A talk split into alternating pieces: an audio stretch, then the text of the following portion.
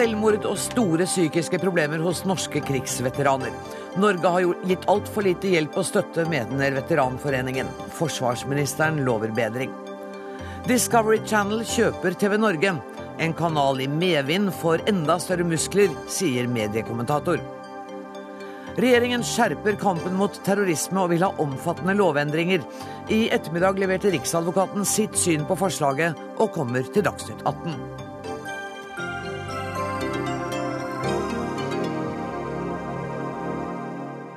I denne sendingen skal vi også høre at eh, pave Johannes Paul 2. kan bli helgen. Bl.a. takket være en frisør i Roma. Den katolske kirkes representant kommer også til Dagsnytt 18 for å forklare. Men aller først. I går ble det kjent at over 200 norske krigsveteraner har tatt sitt eget liv i løpet av de siste 30 årene. Mange sliter med psykiske lidelser. I dag ble oppfølgingen av norske soldater debattert i Stortinget. Hjertelig velkommen, forsvarsminister Anne Grete Strøm-Eriksen. Det er ingen tvil om at noe har vært gjort. Men kritikken den siste tiden tyder på at det har vært gjort for lite, for sent, og det har truffet for få. Hva gjør dere nå med den kritikken? Altså, det er ikke tvil om at skulle, det norske samfunnet tidligere skulle tatt det samfunnsansvaret. Det er å følge opp veteraner som har blitt skadd, og som eh, trenger oppfølging hjemme. Men i 2005 så tok jeg virkelig tak i det, og vi har gjort mye. Men som du sier, det tar også tid å få ordningene til å virke, få hjelpeapparatet i alle ledd til å fungere. Og det er vel egentlig veldig mye det som er kritikken nå, at det ikke gjør det godt nok. Og så har jeg bare lyst til å nyansere litt denne, dette med de 200. Fordi at det er ikke sånn som vi kjenner til, laget en rapport på dette. Vi kan følge, følge dødsårsak etter Afghanistan-veteranene, fordi vi har en egen undersøkelse på det. Men det er viktig å nyansere at det er ikke noe vi har fast Altfor mange tar selvmord i Norge, og det er like tragisk når det skjer. Men det du sier at, at tallet 200 er altså ikke statistisk belagt på noen vi, måte? Det finnes vi har ikke, vi har ikke gjort noen undersøkelse på det. Men, men når du sier at, eh, at, at, det tar tid, og det tar dessverre noen ganger for lang tid å få mm. alle de tiltakene mm. til å fungere, hvor syns du nå eh, det svakeste punktet ligger? Det svakeste punktet er på oppfølgingen mellom eh, de ulike etatene. Fordi at de som har en skade, de må gjerne innom både fastlege og spesialister og Nav. Eh, og de skal sende søknad til Statens pensjonskasse. Derfor så har vi jo prøvd å strømlinjeforme dette. Og vi har et eh, prosjekt på Elverum som nettopp har alle disse instansene sammen med Forsvaret for å å bygge opp sin kompetanse, sånn at de skal være én dør inn for veteranen. De skal slippe å gå inn mange dører, de skal slippe å ha flere typer legeerklæringer. Men de må av og til ha både fastlege og spesialist. For her dreier det seg jo også om å eh, kartlegge medisinsk medisinsk tilstand, eh, og hvorfor den medisinske tilstanden er blitt så den er blitt. For dette dreier seg jo veldig mye om senskader, mm. psykiske senskader som kan dukke opp kort tid etter eller lang tid etter eh, endt tjeneste. Og det er saker som ligger langt tilbake i tid. Så det er også den andre tingen som er viktig, det er å få helsevesenet, få ut kompetanse i helsevesenet. Det har vi jobbet mye med, men det tar tid, fordi at her må det skje som ringer i vannet fra et, et senter, senter som har på en måte den spesialistkompetansen, og utover. Vi har systemer for det, men dessverre så opplever noen at de eh, av og til møter ikke møter hjelpesystemet sånn som egentlig, vi ønsker at de skal møte det. Ine Eriksen Søreide, du er leder i Stortingets utenriks- og forsvarskomité, og det var du som reiste interpellasjonen i Stortinget i dag som, sted, som, førte til denne debatten. Var du fornøyd med de svarene du fikk av statsråden da, og det du hører hun si nå? Jeg var veldig fornøyd med det jeg opplever ble en god og konstruktiv debatt. Det var mange både veteraner og pårørende som var til stede på galleriet, og det var også viktig, fordi det er jo først og fremst dem dette handler om, og at vi skal finne løsninger som hjelper de veteranene som sliter. Det er jo heldigvis sånn at de aller fleste veteranene kommer jo stort sett hjem bare med mye kunnskap og mye erfaring og har det helt greit.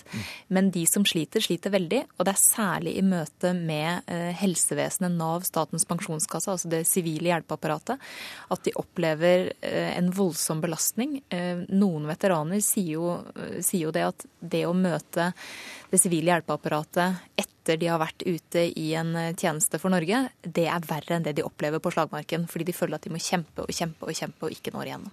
Og nå sier statsråden at dere samarbeider, du samarbeider jo selvfølgelig både med statsråden som har ansvar for helse og for, mm. for arbeid, at det er jo satt i verk tiltak. Hva, hva er dine forslag til løsninger, da? Jeg er først og fremst opptatt av at vi skal finne løsninger som fungerer. Og noe må tas på lang sikt, men noe kan vi gjøre på kort sikt. Og det kanskje aller største problemet, særlig i det, særlig i det sivile hjelpeapparatet, det er mangel på kompetanse. Jeg tror at vi kanskje må tenke litt annerledes om hvordan vi gjør det. En tanke er jo å samle kompetansen ett sted. I gamle dager, eller før, før i tida, så hadde vi jo det gamle krigsinvalidekontoret under Rikstrygdeverket. Der satt både kompetansen om dette, og der satt også vedtaksmyndigheten. og Det er ganske viktig å ha det samme sted. Og Det er en mulighet. En annen mulighet er å benytte den ressursen veteranene faktisk representerer.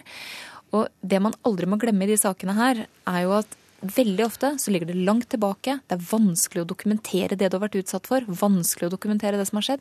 Og det gjør belastningen enda større når du da ikke møter forståelse og kompetanse i helsevesenet. Anders Grinaker, du er talsmann for Veteranforbundets skadde i internasjonale operasjoner, SIOPS, og du tjenestegjorde selv som soldat i Libanon med Unifil-styrkene. Det er vel riktig det som sies her, at noen av skadene eller noen av belastningene kommer noen år etterpå, og det kan også, tenker jeg, gjøre det enda vanskeligere å be om hjelp? Jo, det er, det er, et eh, utgangspunkt. Eh, men jeg tenker at vi skal nå se eh, på at vi får en ny generasjon veteraner fra Afghanistan. Mm. Den generasjonen er forskjellig fra skal vi si, Balkan og Libanon. For Forsvaret har vært flinke i forhold til å, å la disse soldatene forstå noe om sin egen syke. Mm. Og derigjennom også evnen til å, å søke hjelp på et tidlig nok tidspunkt. Det handler veldig mye om det. Og da må du også klare å etablere lavterskeltilbud. Og det er enkle ting. altså Det handler faktisk om å ha en psykolog-psykiater som kan gi deg noe støtte og hjelp av og til. Men er det ikke en terskel når du kommer tilbake eh, fra krigshandlinger og skulle innrømme for deg sjøl og for familien at jeg trenger den hjelpen der? Jo, det kan det være. Men jeg tror terskelen er på en litt annen måte. Det er det at uh, i dag så har vi for så vidt et semiprofesjonelt uh, forsvar. Hvor du går inn og du er kanskje tre til seks år. Og så skal du gå ut av det og inn i det sivile samfunn. Du er en glitrende soldat, eh, men, men hva er din sivile kompetanse? Det, det, er forferdelig vanskelig. Akkurat den overgangen den, den må, jo, må, det også jobbes med. Og det er jeg sikker på at statsråden... Men det gjør vi faktisk. Eh, og det er jo og litt eh, tilbake til dette med at vi skal ha kompetansen ett sted. fordi at kritikken i Stortinget i dag var veldig at det hadde man ikke. Og vi tok kontakt med Statens pensjonskasse og spurte hvordan har dere innrettet dere i forhold til behandling av erstatningssøknader for det som folk opplever krevende. De har ett kontor hvor alt behandles. De har 13 ansatte. Halvparten av de jobber med veteransaker og har spesialisert seg godt på det, slik at man er sikker på at, de, at alle veteraner i hele landet får lik behandling. Bare sånn det er sagt. Elverum hvor vi har dette komplette eh, stedet, er, er laget etablert for at vi skal opp, bygge opp, finne gode modeller for å ha kompetanse, sånn at også Nav andre steder i landet skal kunne ha den gode kompetansen. Og jeg må si Det at det, det som Grinaker sier er veldig viktig. Hvordan møter vi soldatene når de kommer hjem? Og Da er det viktig at de blir møtt av et hjelpeapparat. Nå vet jeg at til og med Nav reiste til Stockholm for å møte flyet, møte soldatene siste gang de da kom fra Afghanistan, for å hjelpe til. Hvem trenger hjelp til å skaffe seg arbeid? Hvordan er hverdagen din? Altså, vi, har, vi er mye mer på, og det er helt sikkert riktig. Vi skulle gjort det før. Men vi gjør det i hvert fall nå, og vi er på god vei, vil jeg si. Og Når det gjelder også dette med å øke kompetansen, så har jo det eh, forbundet som, som eh, SIOP, som Grinaker representerer, også fått penger av departementet for å bidra til å utvikle kompetanse mm. i spesialisthelsetjenesten, fordi dere har så mye erfaring å bidra med. Men la oss gå tilbake. Sørre, er du ikke enig i at da, da, gjør man jo noe når det gjelder erstatninger til, eh, til disse veteranene? Altså Erstatninger er jo én del av bildet. Eh, så begynner man der. Ja, ja, eh, og det er fint at man prøver å øke kompetansen i Statens pensjonskasse. Realiteten er jo dessverre at de skadde veteranene som møter Statens pensjonskasse, møter en forferdelig forferdelig lang behandlingstid. De møter stadige krav om ekstra dokumentasjon, som de ikke forstår helt eh, hvordan de skal klare å framskaffe av de grunnene jeg sa i stad. Og ikke minst så opplever de jo at mange av sakene nå, stadig flere, forberedes til å tas gjennom rettssystemet. Og det syns jeg ikke er en verdig behandling for noe som burde gå greit gjennom systemet. Og dessuten eh, så er jo da erstatningene én side av det, en veldig viktig side av det. Det er mange av erstatningsordningene som oppfattes som både urettferdige, og det er ulike beviskrav som gjelder osv. Men helsevesenet, møtet med dem, møtet med Nav, det å sitte sånn som vi gjør nå, eh, over en kontorpult og snakke med noen som ikke av ond vilje, men som altså ikke har noen forutsetninger for å vite hva du har vært igjennom, hvorfor du er traumatisert, det er at det oppleves så belastende for dem at det å klare å få til en hverdag som skal fungere noenlunde, kanskje sammen med familien din, det å kunne komme deg ut i jobb, det å ikke bli ufør f.eks., det er jo en vel så viktig side av det, å prøve å jobbe med de tingene. Mm. Grenaker, er, er det et godt forslag dette å ha, ha det sentralt et sted? Det, altså, det, vi, det vi realiteten savner, det er at det er reelle strukturelle endringer. Altså Man vil ikke endre eksisterende systemer. Det kan godt hende at vi soldater eh, krever mye, men altså vi har tross alt gjort vår plikt, og vi krever nå vår rett. Og Det betyr at vi vil gjerne ha noe som er tilpasset oss. Så enkelt er dette. Da må man også ville endre eksisterende systemer noe. Det er den viljen til å endre systemene som må være til stede. Det er glitrende at det etableres et kompetansesenter på Elverum. Flott. Men det, det senteret har ingen mulighet for å fatte vedtak og drive regulær kompetanseutvikling. Så du er, er enig med Søreide her, du altså? Ja, jeg, akkurat der er vi enige. Jo, men, men, jeg syns jo det at når du sier at eh, vi veteraner fortjener egne ting, ja. Dere har fått en stortingsmelding med masse tiltak. Vi har 126 tiltak i handlingsplanen. Vi har jo nettopp bygget opp egne erstatningsordninger fordi at det er viktig å imøtekomme veteraner. Og alle de andre tingene som går på anerkjennelse, som går på hjelp til å takle hverdagen, kameratstøtte, hjelpetelefon. Altså, Det er en rekke ulike tiltak, og det skal det være. Fordi at det er så mange ulike mennesker som trenger ulik hjelp. Og vi ønsker å møte de på en, en god måte fra Forsvarets side og fra samfunnet sine generelt. Så er det. Ja, og jeg synes Det er veldig mange bra tiltak som er satt i gang. Et samla storting har stilt seg bak dette over lang tid, og det er, det er, veldig positivt. Men ofte så må man jo se hvordan tiltakene fungerer i møte med virkeligheten. Og hvordan vi behandler våre skadde veteraner og våre veteraner som ikke er skadd, forteller jo veldig mye om oss som samfunn. Akkurat i de sakene her så tror jeg det handler om å erkjenne at når du har gjort din plikt, du har stilt opp på vegne av Norge, så skal du slippe å gå til grunne i møte med systemet når du hevder din rett. Det ble det siste ordet i denne debatten. Tusen takk til eh, dere to. Eh, Anders Grinaker og Ine Eriksen Søreide. Og så ber jeg Anne Grete Strøm Eriksen sitte en liten stund til.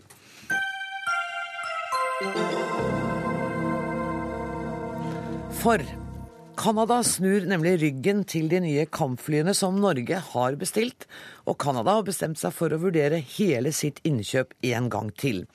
Dette kan få konsekvenser for kostnadene på de norske flyene, mener nå enkelte eksperter. Jon Berg, frittstående militæranalytiker. Hva betyr det for Norge at Canada stopper opp nå og nullstiller situasjonen? Mm. Ja, Aller først så betyr det at uh, av disse partnerlandene til USA i dette prosjektet, så har Canada nå tatt belastningen ved å være det første som sier at dette går ikke lenger, nå må vi begynne å vurdere alternativer. Og det kan føre til et ras. Danskene kan komme forholdsvis raskt, osv.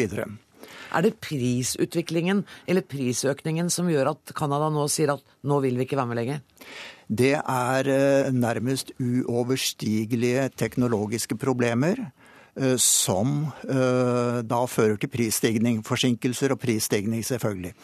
Og så er det nok også det at produsenten av dette flyet, Lockheed Martin, har fått voldsom kritikk av det amerikanske forsvaret i løpet av høsten.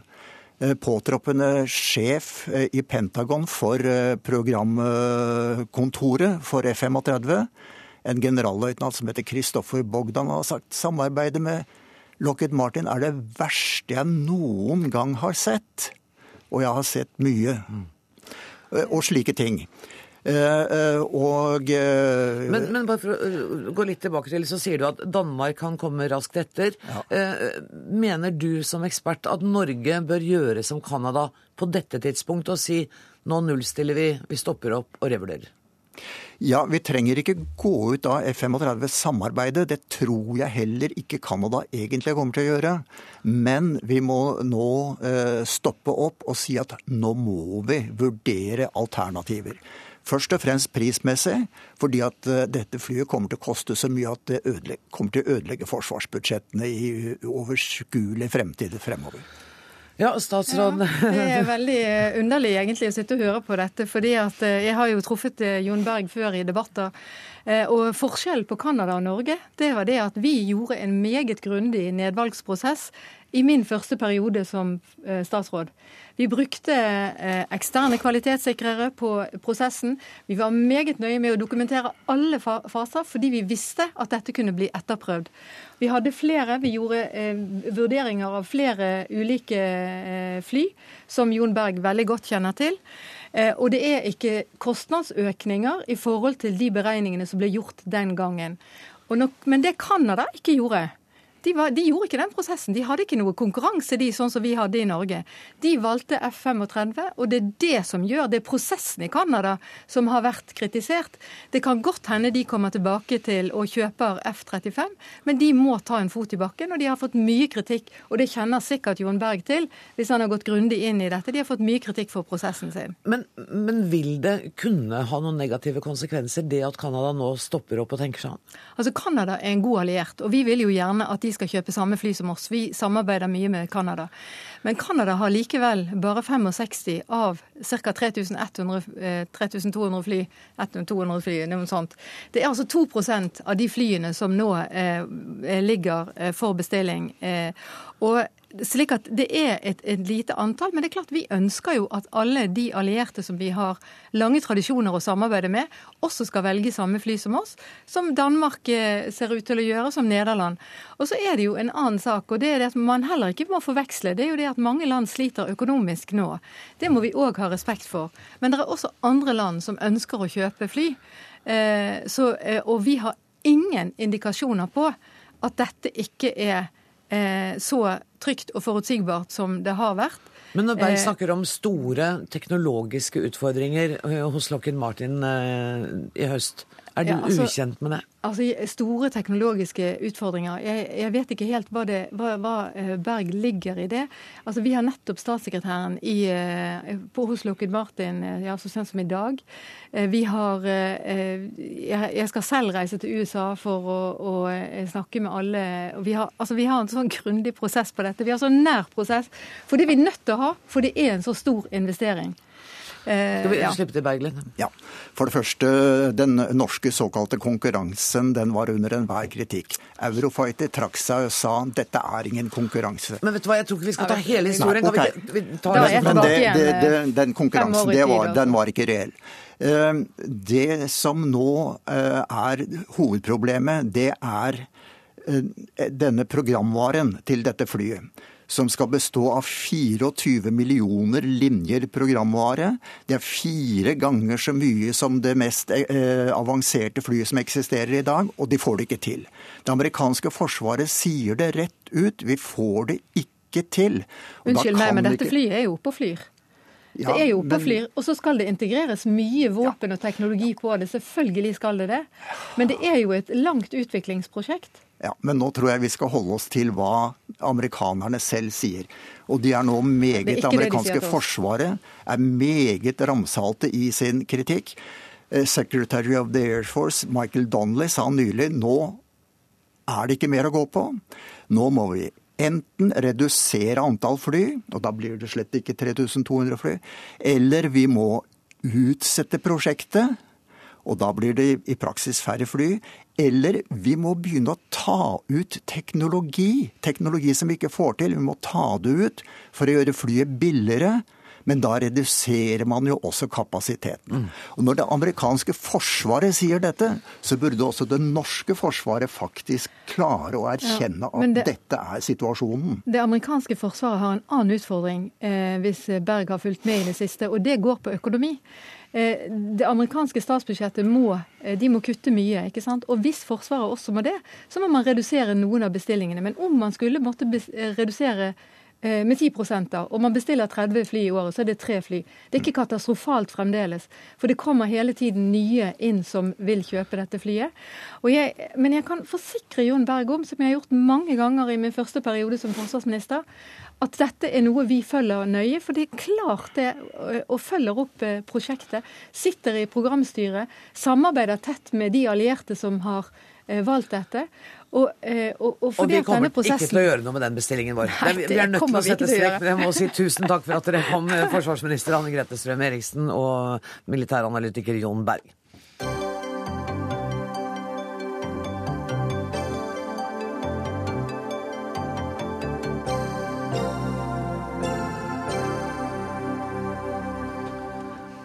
I ettermiddag ble det klart at TV Norge blir solgt til mediegiganten Discovery. Det amerikanske selskapet betaler 9,5 milliarder kroner for SBC Nordic, som i tillegg til TV Norge består av elleve medievirksomheter i Norge, Sverige, Danmark og Finland. Og Knut Kristian Hauger, ansvarlig redaktør for bransjenettstedet Kampanje. Hva betyr dette her for TV Norge? For TV Norge betyr det jo at de nå har fått en eier som vi kaller en industriell eier. Altså Det er jo et eh, amerikansk mediekonsern som heter Discovery, som kjøper TV Norge. Eh, TV Norge har jo hatt en rekke forskjellige eiere opp gjennom 2000-tallet. Eh, mange av de har vært eh, såkalte investeringsfond, risikokapitalister, som har hatt ganske korte horisonter på eierskapet sitt. De er inne for å tjene penger og gjøre raske dealer. Nå kommer de til en industriell eier med masse innhold i bibliotekene sine og i arkivene sine. Og de er jo også til stede i Norge med sine kanaler. Discovery, Animal Planet og kvinnekanalen TLC. Så hvis du hadde vært ansatt i TV Norge, så ville du vært ganske fornøyd i dag? Jeg tror stemningen i TV Norge er, eh, er, god. Eh, de har fått eh, den eieren jeg tror de håpet på. Det var jo flere inne i budkampen her, bl.a. flere av disse investeringsfondene. Vi har med oss en representant for de nye eierne på telefon. Du må ta på deg hodetelefonen din. Mark Hollinger, president and CEO of Discovery Networks International. Um, good evening. Good evening. What, Very nice to be on with you. I'm so glad you're with us. Um, what was your motivation for buying? Well, we've been in Norway and in the Nordics since 1989. It was one of the first markets that uh, Discovery went into internationally and have had a very successful run of things with our pay TV business there. Um, we've always been on the lookout for other high quality assets um, in, again, what we know are well penetrated, very stable uh, markets, great markets for uh, for the television business generally. And uh, the great news for us is that the the SBS assets uh, came on the market, and we we jumped on them uh, as as really a great addition to our business there. Is your ownership going to make a difference to me as a viewer of TV Norge? Well, since we're still in a in a, a process of getting this approved by regulators, there's a, a, limit to how much we can talk about what the strategy is going forward. Okay. Generally, I would say that this is a great management team. Uh, they have done very well in terms of growing market share and growing this business, both in, Nor- in Norway and across the Nordic territory. So we don't want to mess with a, a good thing here. Um, we we really trust them. It's one of the things that has appealed to us most about the business is that it's a very well run business by a very well well well positioned management team. Thank you very much, Mark Hollinger, President and CEO of Discovery Networks International, for joining us tonight. Um, tilbake til deg, Knut Christian eh, Hauger, eh, som altså er ansvarlig redaktør for Kampanje. Um, hva slags prosess er det dette eierskiftet her markerer slutten på?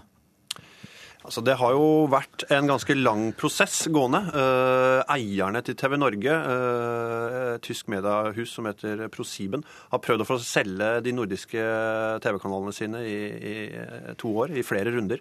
Sist gang så lykkes de ikke. Da syns de prisen var litt lav. Nå ser det ut som de er mer fornøyd, og det, det, kan man jo være enig i når man ser prisen de betaler, 9,5 milliard. De øverste forventningene lå nok noe høyere, men det er klart opp mot 10 milliarder kroner for et selskap som ja, sånn røftlig har et overskudd på 1 milliard i Norden. I hvert fall det er det vi tror. Ehm, eh, det viser jo at man da tror på altså Man har et ganske langt perspektiv, ti år på å da tjene inn eh, de pengene. Hollinger ville ikke si så mye om programprofilen. Han sa at han kunne ikke si noe om strategien ennå. Men hvis du skulle spekulere litt, hva, mm. kommer det til å skje store forandringer der? Som seer så tror jeg man kan eh, sitte trygt i TV-stolen og forvente å få, og fortsatt få, eh, alt fra 71 grader nord og Ylvis-brødrene. Og jeg er helt sikker på at TV Norge-sjef Harald Strømme får lov å lage en ny runde med Helt perfekt med Thomas Giertsen hvis han vil det. TV Norge har jo vært en kanal som har vokst. De er i medvind, har vært en suksess. TV Norge har vært dyktige på å rendyrke profilen sin. De la jo ned nyhetene for noen år siden. Og, Var det klokt? Ja, I hvert fall i et økonomisk og kommersielt perspektiv så var det jo det. Kanalen går veldig bra. Mm. Vi skal være rause nok til å ønske dem lykke til. Tusen takk for at du kom, Knut Kristian Hauger.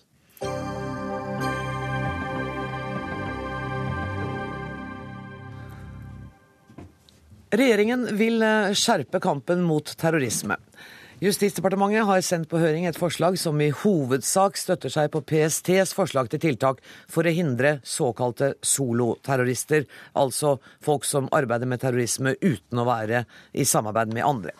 Høringsnotatet har møtt massiv kritikk fra flere faginstanser, og i ettermiddag leverte Riksadvokatembetet sitt høringsuttalelse. Og Riksadvokat Tor Aksel Busch, velkommen til Dagsnytt 18. Er du enig i den kritikken som er kommet bl.a. fra jusprofessorer ved Fakultetet i Bergen og fra Datatilsynet? Jeg har atskillig forståelse for kritikken. Dette er vanskelige spørsmål, meget vanskelige spørsmål, som med fordel kunne være utredet bedre. Men så har jeg også stor forståelse for departementet, som ønsker å gjøre noe nå. Vi har erfaringer fra Breivik-saken, tunge, vonde og vanskelige. Etter mitt syn er det ingen tvil om at det lovverktøyet vi har i dag, er for dårlig når det gjelder å gripe inn overfor de som forbereder terrorhandlinger, altså i forberedelsesfasen. Og vi kan altså ikke sitte og vente på at vi skal utrede dette i måneder og år. Breivik-saken krever i og for seg handling nå. Men, men, samtidig så sier jo du i innledningen i, ditt, hørings, i din høringsuttalelse, som da kom seint i ettermiddag, at dere vil fraråde Justisdepartementet å fremme lovforslag på enkelte av disse punktene. Hvilke punkter er det dere ikke synes det bør fremmes lovforslag om nå? Det er en del forslag som vi mener er for vidtrekkende og for dårlig utredet. Så de lar vi ligge, bl.a. et forslag som kriminaliserer all terrorplanlegging. Vi har nærmet oss dette med erfaringene fra Breivik-saken. Hva trenger vi av endringer i det korte perspektiv? Og det har vi kommet med, mener jeg, da noen forstandige avveininger som kanskje kan hjelpe lovgivningsprosessen et skritt videre. Men så må vi ikke gå for langt. Vi må ta vare på den norske rettstradisjonen. Og ta vare på Vi skal være en rettsstat fortsatt, i aller høyeste grad. Og det er dette vi har prøvd å balansere. Jeg syns nok at PST i sin iver, og forståelig iver, etter å ramme terror, hadde nokså friske forslag. Departementet har jo i liten grad vurdert de. De har jo sendt det mer ut på, på høring, slik som de kom fra tjenesten. Og vi har prøvd å dissekere dette noe nærmere. Hva er, det, hva er det friskeste og minst spiselige forslaget fra PST? Ja, det friskeste er at man skal kriminalisere alle former for terrorhandlinger uten å angi hva disse handlingene skal gå ut på. Jeg syns nok det er det friskeste forslaget, og litt uvant i vår rettstradisjon, for å si det slik. På den annen side så vil mange si at det er ganske friske takter fra Riksadvokaten også, fordi at du går jo inn for å drive med mer skjult overvåking. Ja, altså Hvis vi nå bruker Breivik-saken som en slags test for tankene våre. Hvis vi hadde fått informasjon om at han holdt på oppe på gården der og produserte bomber, han kjøpte kunstgjødsel, han knuste kunstgjødselen for at den skulle bli bedre, han kjøpte lunter, han kjøpte aluminium for å gi bedre effekt av det, og vi hadde fått et tips om det, da må man ha et lovverktøy som gjør, etter mitt syn, at det var mulig å nærme seg han med en skjult etterforskning. Og det er det vi har prøvd å legge opp til. Men vi bruker altså da i vår høringsuttalelse anerkjente gamle prinsipper. Vi utvider en bestemmelse i vår straffelov som vi har hatt tidligere. Vi moderniserer den, for å si det slik. Gir den også økt strafferamme. For det er jo ikke bare å straffe de handlingene som vedkommende begår i en forsøksforberedelsesfase, men det er jo også å komme med muligheten for å kikke han i kortene uten å røpe at man etterforsker. Det er viktig. Men, men da må jo avveiningen være på hvilket stadium i den prosessen han holder på i den gården, er det dere har lov til å gå inn? Ja, det er eh, en uh, god illustrasjon for tanke. Hadde du ikke tanke. tenkt på det, eller? Jo da, da, men det er jo, det vi, det er jo det, det, vi tar utgangspunkt i. Hva er det vedkommende har gjort? Vi har jo sett at forslaget fra PST ble latterliggjort for kjøper du gummihansker og øks og alt det som uh, vi har hjemme, i hvert fall vi som bor på gård, ja. så, så, er man mulig terrorist. Vi sier altså at det er spørsmål om anskaffe skytevåpen eller, eller eller sprengstoff, ingredienser i den forbindelse. Det er det vi skal ta. Vi skal ikke ta det som hvermannsen har, har, hjemme. Og hvis du da gjør det med den hensikt at du skal foreta en alvorligere handling, så kan det altså hende vi kommer og kikker vedkommende i kortene. Det er jo helt avgjørende å få forhindret utførelsen av slike handlinger. Det er jo derfor vi blir til de grader utfordret i vår tenkning. Vi kan ikke sitte og vente på at handlingen blir gjennomført, fordi det er jo så dramatiske konsekvenser. Mm. Og Samtidig så er den norske rettstradisjonen at det er straffefrihet for forberedelse. Ikke sant? Og, og, og, det, og vi har jo hatt en nokså klar grense mot forsøk. At det kreves mye for å passere det vi kaller den nedre grensen for uh, forsøk. Og det er den grensen dere nå flytter? Ja, altså vi, vi kriminaliserer forberedelseshandlinger hvis du skaffer deg skytevåpen og sprengstoff for å begå en terrorhandling lovgivning. Det skal vi ta eh, med mer moderne lovgivning enn det vi, hadde, det vi har akkurat nå. Og Sånn sett så tror vi at eh, vi har balansert hensynene. og Hvis vårt forslag blir lagt til grunn, så kan jeg ikke tro at det skulle bli så mye kritikk som det har vært en stund. Jeg ser også, jeg har bare så vidt skummet det høringsuttalelsen fra dere, men, men, der er det jo også litt selvkritikk, merket jeg meg. Fordi dere ikke ved, i forrige runde oppdaget Nå finner jeg jo ikke det punktet, selvfølgelig, da. Men det kan du sikkert klargjøre, hvor dere sier at påtalemyndigheten påtar seg ansvar for ikke å ha sett dette før. Eh, mange har harselert med departementet fordi de skrev i en tidligere eh, lovendringssak at eh, det er ikke særlig aktuelt med soloterrorister. Og så sier man at eh, det var dårlig av departementet. Eh, men så sier jeg at det er en unyansert kritikk. For departementet er jo avhengig av ytre etat som skal fortelle dem hvordan det er ute i verden. Og det er jo politi- og påtalemyndigheten som bl.a. skal gjøre det. Og når departementet får altså den oppfatning at soloterrorisme ikke var en særlig aktuell problemstilling, ja, så var ikke politi- og påtalemyndigheten gode nok. Og det sier jeg at i forrige lovgivningsrunde så eh, burde vi vært bedre og utøver en viss grad av selvkritikk for det. Jeg tenkte meg du ville feste deg med det. det skulle ikke mye til, for å være helt ærlig. Um, et, et, et, annet element som, som, vekker bekymring hos folk, er jo terrorister som reiser til utlandet for å ja. forberede terrorvirksomhet. Og det må jeg si rent generelt, uten å ha enkeltpersoner i tankene, at eh, jeg ser med uro på en del av den aktivitet eh, som eh, drives nå, og som kommer til uttrykk. Og det må vi ta med det største alvor. Vi har eh, bestemmelser i vår straffelov i dag som eh, rammer den som eh, gir opplæring i terror altså terrortrening, terrorteknikker, men ikke den som mottar eh, trening. Og Vi mener at vi nå, eh, på samme måte som vi raskt må få en endring av den bestemmelsen vi har vært innom, så må det også bli straffbart å motta eh, trening, selv om det er i utlandet. Men vi tenker nok som så at det bare å være til stede der hvor noen får trening, hvis du ikke er en aktiv mottaker i det, f.eks. en journalist som skulle ut og undersøke hva dette dreide seg om, så må vi ikke ha en lovgivning som fanger opp eh, den type handlinger. Så vi eh, har foreslått at man skal aktivt motta eh, terrorhandling, for, terrortrening, for å kunne straffes i, i, i, for den type handling.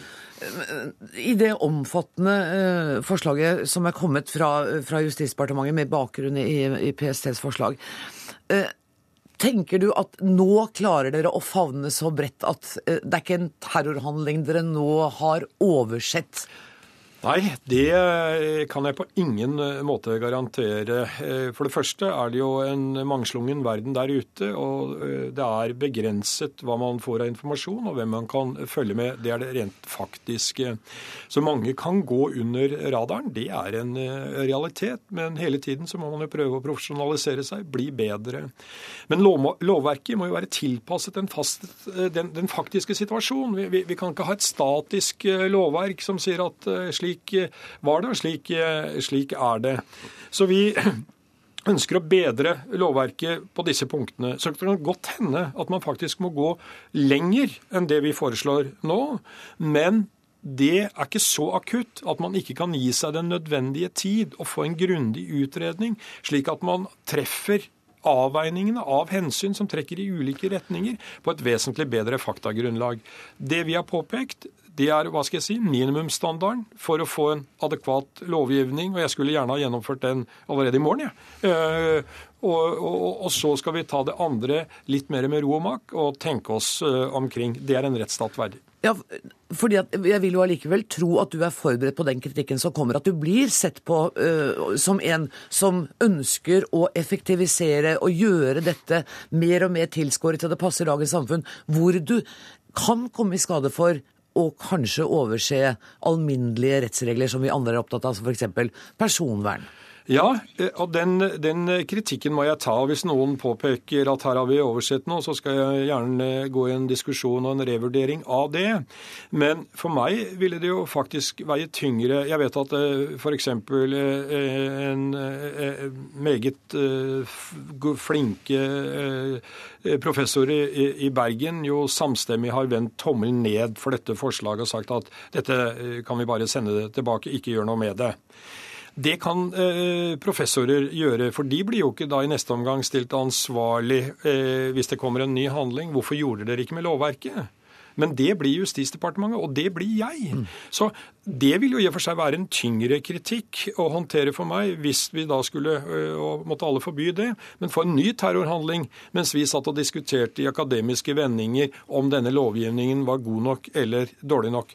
Lovgivningen er etter mitt syn, med min beste overbevisning, ikke godt no, god nok i dag til å øh, gripe inn i forberedelsesfase hva gjelder terrorhandlinger. Det må jeg prøve å gjøre noe med. Jeg kan godt mene at utredningen er for dårlig, men, men, jeg må bruke da mine folk og mine evner til å se hva kan vi komme opp med av forslag. Det har vi prøvd å gjøre. Jeg tror ikke jeg er kjent for å være noen rabiat uh, lovforslagsmann. Jeg tror jeg har vært en god tjener av den norske rettsstat gjennom alle år. og Det har jeg altså prøvd denne gangen, og mener at vi har funnet en slags uh, løsning. Jeg er frimodig nok til å si det. Og du mener at, eller du sa i stad at du skulle ønske denne loven kunne vært vedtatt i morgen. Hvor lang tid tror du det vil ta?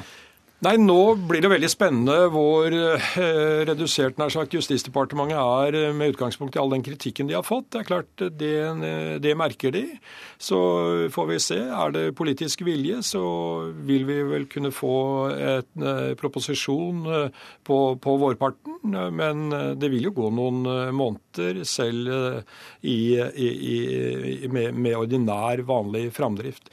Men jeg håper ikke at departementet er blitt for skremt av den kritikken politikken, for vi trenger noen endringer. Og jeg mener at eh, de forslagene vi har, er eh, godt innenfor rettsstatens verdige ramme. Vi skal ringe departementet til uka og høre hvor redde de er blitt. Tusen takk for at du kom ned i studio, riksadvokat Tor Aksel Busch. Hør Dagsnytt 18 når du vil, på nettradio eller som podkast. nrk.no – dagsnytt 18.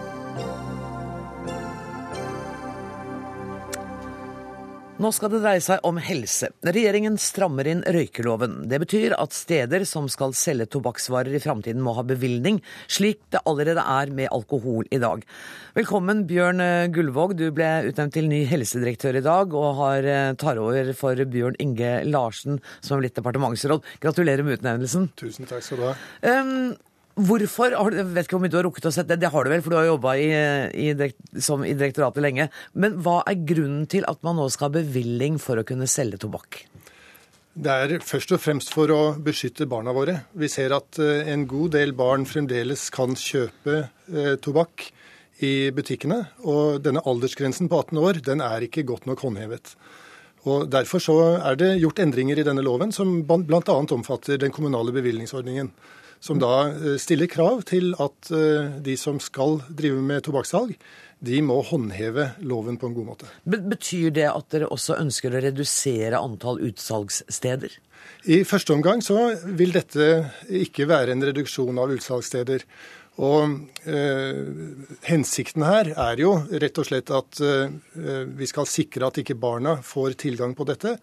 Eh, og at eh, de som selger eh, tobakk, eh, er sitt ansvar bevisst. Og dere, går, dere, vil også ha skoler og barnehager helt tobakksfrie. Da snakker vi ikke bare om sigarettobakk, men om, om, snus. Både inne og ute. Og med snus blir det jo litt vanskeligere å overvåke det, da? Ja, Det kan jo være vanskeligheter med overvåkningen, men jeg syns det er noen veldig viktige prinsipper som nedfelles her. Vi har hatt en veldig gledelig nedgang i tobakksforbruket i Norge. Fra 30% og ned til 17% og Det er faktisk den, den største nedgangen i, av alle OECD-landene, og den største nedgangen i Europa. Men vi må videre nedover, og tobakk er fremdeles eh, en av de enkeltfaktorene som skaper mest uhelse, både i Norge og i verden. Ser du for deg et røykfritt Norge i overskuelig framtid? Eh, det er vel ikke noen hemmelighet at Helsedirektoratet gjerne ser et røykfritt eh, Norge. Jo, jo. Men, eh, og, og, vi har en veldig kraftig nedgang. Så vi vil, vi, vi vil, være en pådriver for å komme så langt det er mulig i forhold til et røykfritt samfunn. Helseminister Støre mener at det å redusere antall røykere er den viktigste enkeltinnsatsen som kan gjøres for å forbedre folkehelsen. Er du enig med ham i det? Ja, i Norge så er det nok sånn. Folkehelseinstituttet vårt har eh, vurdert at eh, dette er den enkeltfaktoren som har påvirket helsa i negativ retning aller mest i Norge de siste ti årene. Så vi er nå i ferd med å ta noen veldig viktige grep i forhold til å skape bedre folkehelse. Er det andre tiltak eh, som ligger i løypa som dere kommer til å iverksette i forbindelse med dette? I denne loven så gis det også bedre vern for barn når det gjelder det å få passiv røyking. Og det syns vi er et veldig viktig tiltak også. Eh, og så er det jo naturligvis sånn at vi må følge med på det som skjer, og eh, se om det er enda mer effektive tiltak fremover i tid. De, eh, det er vel ikke helt ukjent at vi gjennomfører kampanjer også, og vi har også tenkt å komme med noen overraskelser på nyåret. Ok, Jeg vet ikke om jeg gleder eller gruer meg til det. Tusen takk for at du kom, helsedirektør Bjørn Gullvåg.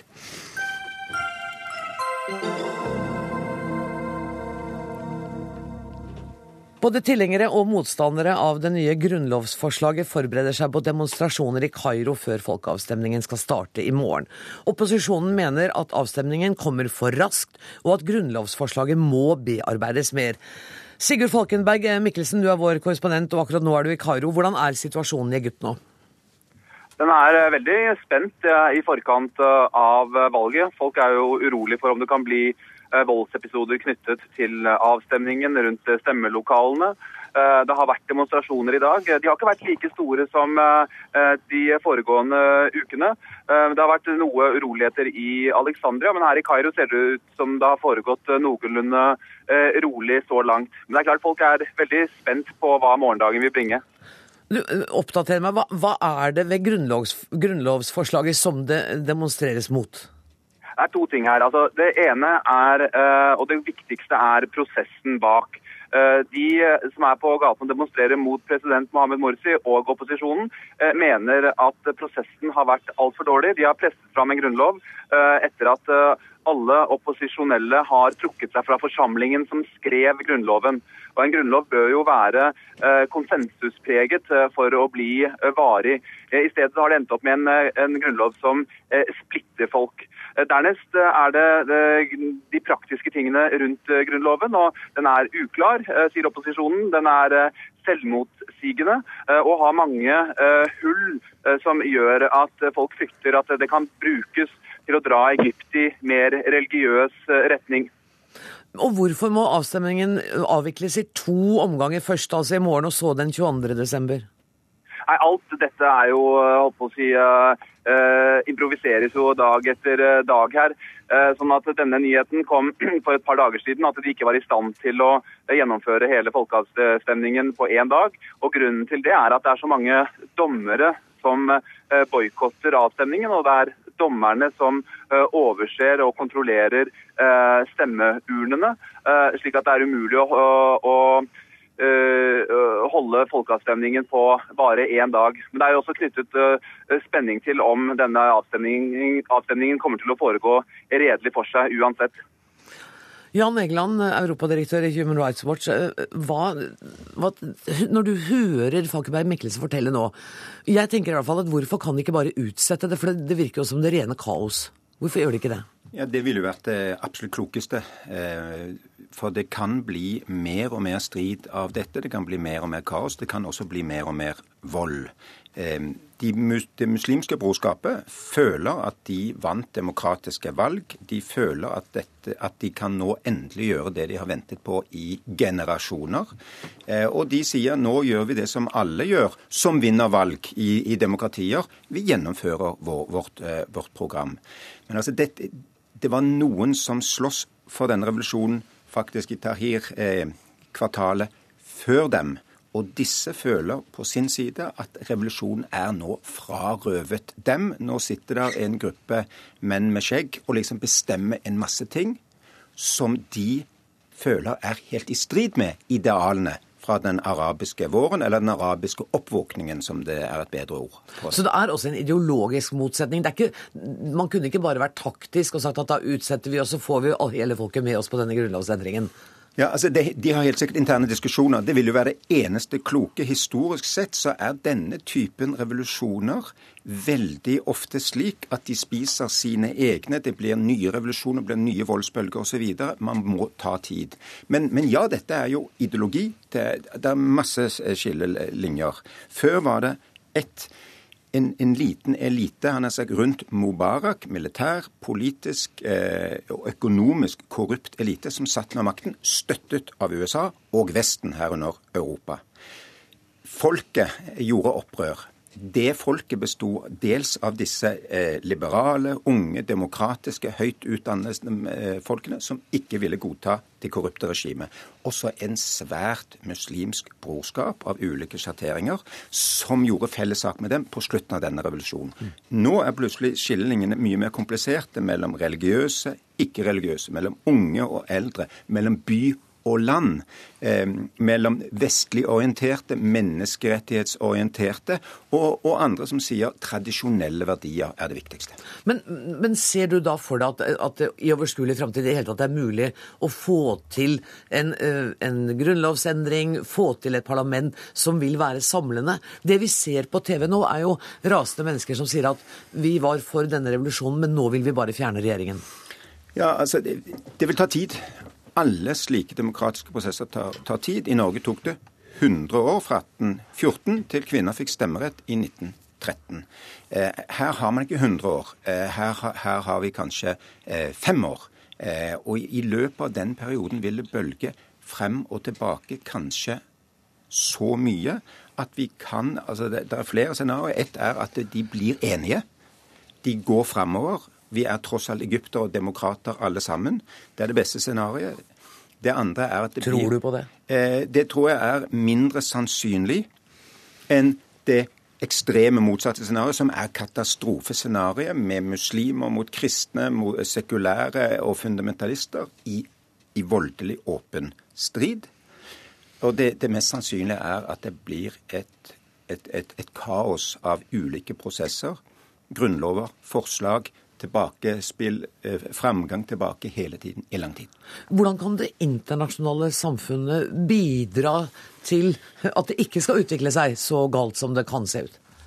Det, man må, må, prøve å gjøre, er å ikke, ikke kaste nå bensin på bålet. Eh, det virker som USA har opptrådt ganske klokt etter at de forsto at de i en generasjon hadde altså bygd opp et pill råttent militærdiktatur, nemlig Mubarak og hans familie. Eh, så har USA sin, eh, vært moderat, forsiktig. Eh, det er en masse salafister altså som får en masse støtte fra Gulf-landene. Det, det, det er ikke nok forstått at nå er det masse penger i, eh, i Arabi, Arabia, altså på den arabiske halvøy, Saudi-Arabia og Gulfstatene, som pumper inn til all verdens veldig ekstreme eh, grupper. Eh, det er andre igjen som fra Vestens side som sier nå må vi virkelig kjøre på. Det vi kan gjøre, er å, å, å hegne om de fundamentale verdiene her, som er menneskerettighetene, ikke vestlige verdier, men universelle verdier om ytringsfrihet, forsamlingsfrihet og at man på fredelig vis eh, eh, kompromisser. Kravet om at regjeringen eh, skal gå av, som nå har kommet fra flere av de opposisjonelle, kunne regjeringen løst dette ved å gå av og skrive ut nye valg? Eh, ja, det, det, er vanskelig å si. Altså, jeg tror at det, det, det, er, er, ikke lett for det muslimske brorskapet å si at alt det vi kjempet for gjennom en generasjon. For altså, Før den arabiske våren så var det det muslimske brorskapet som ble kasta i fengsel, torturert, eh, pint og plaget av Mubarak-regimet. De føler at de har veldig mye å forsvare og veldig mye å ta igjen.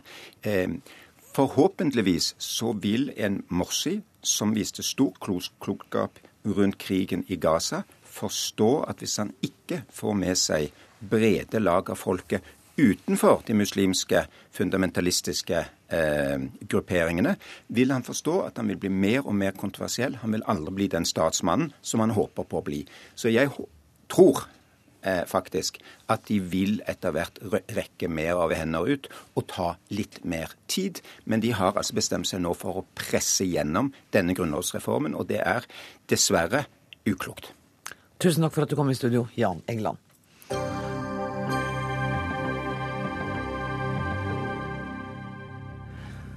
Det er ikke så ofte vi snakker om eh, paver og helgener her i Dagsnytt 18, men det skal vi gjøre nå. For fram til sin død i år 2005 så var pave Johannes Paul 2. ganske raus med å erklære folk som helgener. Og nå kan han selv bli helgen, hvis vi skal tro uh, oppslagene i avisene. Og en av dem som bidrar til det, er altså en frisør i Roma. Pater Pål Brattbakk i Oslo katolske bispedømme, hvordan eh, henger dette sammen? At uh, pave Johannes Paul 2. selv var en stor fan av å gjøre folk til helgener i gåseøyne, uh, henger nok sammen med at han understreket veldig dette med alle kristnes kall til hellighet. At dette ikke er bare noe som er for de få, uh, men at dette er det som skal være det normale for enhver kristen. Å strebe etter å, å leve et hellig liv. Så han gjorde nok et poeng ut av det ved å bruke mye ressurser på å finne disse hellige og løfte dem frem som eksempler for eh, resten av oss. Og da blir de helgener? Ja. Det er jo men er det litt... grader av det, eller tilber ja. man disse helgenene på samme måte som de gamle helgenene? Ja, nå tilber vi ingen av dem, vi ber Nei, til dem. Vi ber men, til dem, ja. ja nettopp. Ja. Eh, det er jo det men... vi beskyldes for ofte. Eh, men det er, en, det er en prosess, ja. Fire steg kan man vel gjenkjenne. Lokale plan først, hvor det er en lokal undersøkelse, og så sende saken til Roma, hvor det da går videre. Så først så man, kalles man en Guds tjener, hvis man eh, gjenkjennes for å ha vært eh, litt over gjennomsnittlig eh, dyktig til å leve opp til sitt kristenkall. Og så blir det da en sak i Roma. Og, så, og, en, og en full helgenkåring, det kan ta mange år? Det kan ta mange år, det kan ta flere hundre år også. Ja. vi har en nordmann i, i, systemet, og han har holdt på i 100 år. Så det og vi vet ikke hvordan det går med han? Vi vet ikke, Der venter vi på mirakler. For det er jo da noe av det som eh, kjennetegner en helgen for oss. da Vi prøver å løfte det opp fra det subjektive liksom følelsesplanet ut i et eller annet rom hvor vi på en måte kan prøve å etterprøve noe, i hvert fall, eh, av dette som eh, skjer. Eh, på det innsidige, i det innsidige. Men hvem er eh, denne nordmannen, da? Det er en fyr som konverterte på begynnelsen av 1800-tallet. Han ble prest i, i Frankrike. Eh, og han startet sitt liv som billedkunstner i Norge. Det gikk visst ikke så bra. Prøvde han seg som eh, rytter eller noe sånt av rein i Nord-Norge. Det gikk visst heller ikke så bra. Eh, så han klarte da til slutt å, tre inn i en orden da, og ble etter mye strev en god prest. Og, døde da i, i Belgia for 100 år siden. For 100 år siden. Og så mm. venter man fremdeles på miraklene. Mm. Altså, jeg mener ikke noe disrespect, men altså, dette høres veldig ukjent og fremmed ut ja, for meg. Det er nok det for de fleste. Eh, Johannes Paul har jo en, hatt en mye kjappere prosess også, eh, og han er jo på en måte en, en offentlig figur mer som, som, folk klarer å forholde seg til. Eh, at det levde en, en, prest i Frankrike og Belgia på 1800-tallet er nok litt fjernt for de fleste av oss, og også for, deg. også for meg for så vidt. Ja. Ja. Men, du, men denne eh, Heter det Helligkåring, nei, hva heter det? Kan godt kalle det det, ja. ja. Mm. Uh, av Johannes Paul 2. Ja. fordi I avisen leste jeg det var en frisør som ja. var instrumentell i dette. Ja. En uh, kommunist uh, som vel ikke hadde så veldig mye til overs for kirken i utgangspunktet, men som en dag fikk en, det han trodde var en prest, inn i salongen sin. Som da var Johannes Paul 2., før han ble det, mens han ennå var kardinal. Og da han ble valgt til, til pave, så, så, gjenkjente han jo da denne stemmen på balkongen fra frisørsalongen sin. Eh, og han mener jo da at altså, han hadde en skiveprolaps, så vidt jeg har lest meg til. Og eh, den er borte. Eh, det er jo det vi vet. Altså sånn empirisk kan, kan, vise til. Og da blir det et argument. Eh, for at, eh, han, at pave Johannes Paul 2. skal uh, helligkåres. Ja, ja. Men, men, men, det er jo noe Djevelens advokat er Ja. jo et begrep som dere er godt kjent med. Det er dessverre avskaffet i 1983, men sånn var prosessen før. At siste skritt var en, en, en rettssak eh, hvor det også skulle være en djevelens advokat som skulle motbevise en persons hellighet. Men fremdeles nå så arbeides det vel med motforestillinger? Ikke sant? Om det ikke er en djevelens advokat. Så, så skal det legges til grunn motforestillinger Det mot det også. absolutt det. Ja, og de skal etterprøves. Uh, altså det, å, det å bli en helgen betyr jo ikke at du har levd et perfekt liv. Uh, ingen av de vi helligkårer uh, har, har klart det. uh, annet enn jomfru Maria, som jo slapp å bli helligkåret også. Men nei, det Men, men du, den nåværende paven han har et litt annet syn på helligkåringer og antall helligkåringer enn eh, sin forgjenger. Tallet har gått noe ned, ja. Jeg tror ikke vi skal legge noe veldig mye Det er ikke noe i, radikal endring her? Nei, det, det er det ikke. Han har vel eh, sjekket Han har vel kanonisert 45 hittil i sitt eh, pontifikat. Mens han andre jo hadde ganske mange. Å ja, nettopp. ganske Men 45 er jo ikke så gærent det heller. Det er ikke så gærent det heller, nei. Hvor, hvor, mange, hvor mange har dere nå? Det er det ingen som vet. Eh, altså, det er jo ikke Kirken som lager helgener, det gjør Gud eh, i samarbeid med de som blir det. Eh, det Kirken gjør, er å gjenkjenne det. Eh, at her har dette skjedd. Ja, men Eh, Hvor mange har Kirken gjenkjent, da?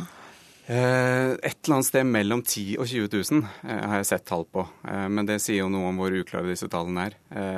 Og før så var det ikke behov for sånne offisielle kanoniseringsprosesser i Roma. Da skjedde det lokalt. Altså før 1200-tallet. Eh, Og de har vi litt dårligere oversikt over. Blir, er det folk som ber til veldig mange av disse helgenene? Ja, vi tror at kirken består av oss her nede og de som da lever hos Gud nå. Eh, Så de er en del av kirken, og vi ber dem om å gå i forbønn for oss, like naturlig som jeg ber andre medkristne her eh, gjøre det.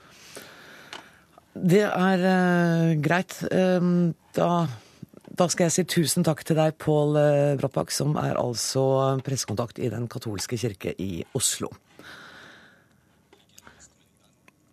Et litt Da har jeg nettopp fått en melding om at eh, 27 mennesker er drept på en eh, barneskole i USA. Det er kommet en melding om det helt eh, nylig. Eh, mer enn det vet ikke jeg, men dere vil få mer eh, informasjoner om dette her fra Dagsrevyens redaksjon, og selvfølgelig i Dagsnytt i de programmene som følger. Dermed er det på tide å avrunde denne utgaven av eh, Dagsnytt 18. Det ble ikke noen lystelig stemning etter den siste meldingen. Men som sagt, følg med på Dagsnytt og, Dagsnytt og Dagsrevyen i de nærmeste timene. Uansett skal jeg fortelle at ansvarlig for sendinga i dag har vært eh, Dag Dørum. Det tekniske ansvaret har eh, Beate Haugture. Jeg heter Anne Grosvold. Takk for nå.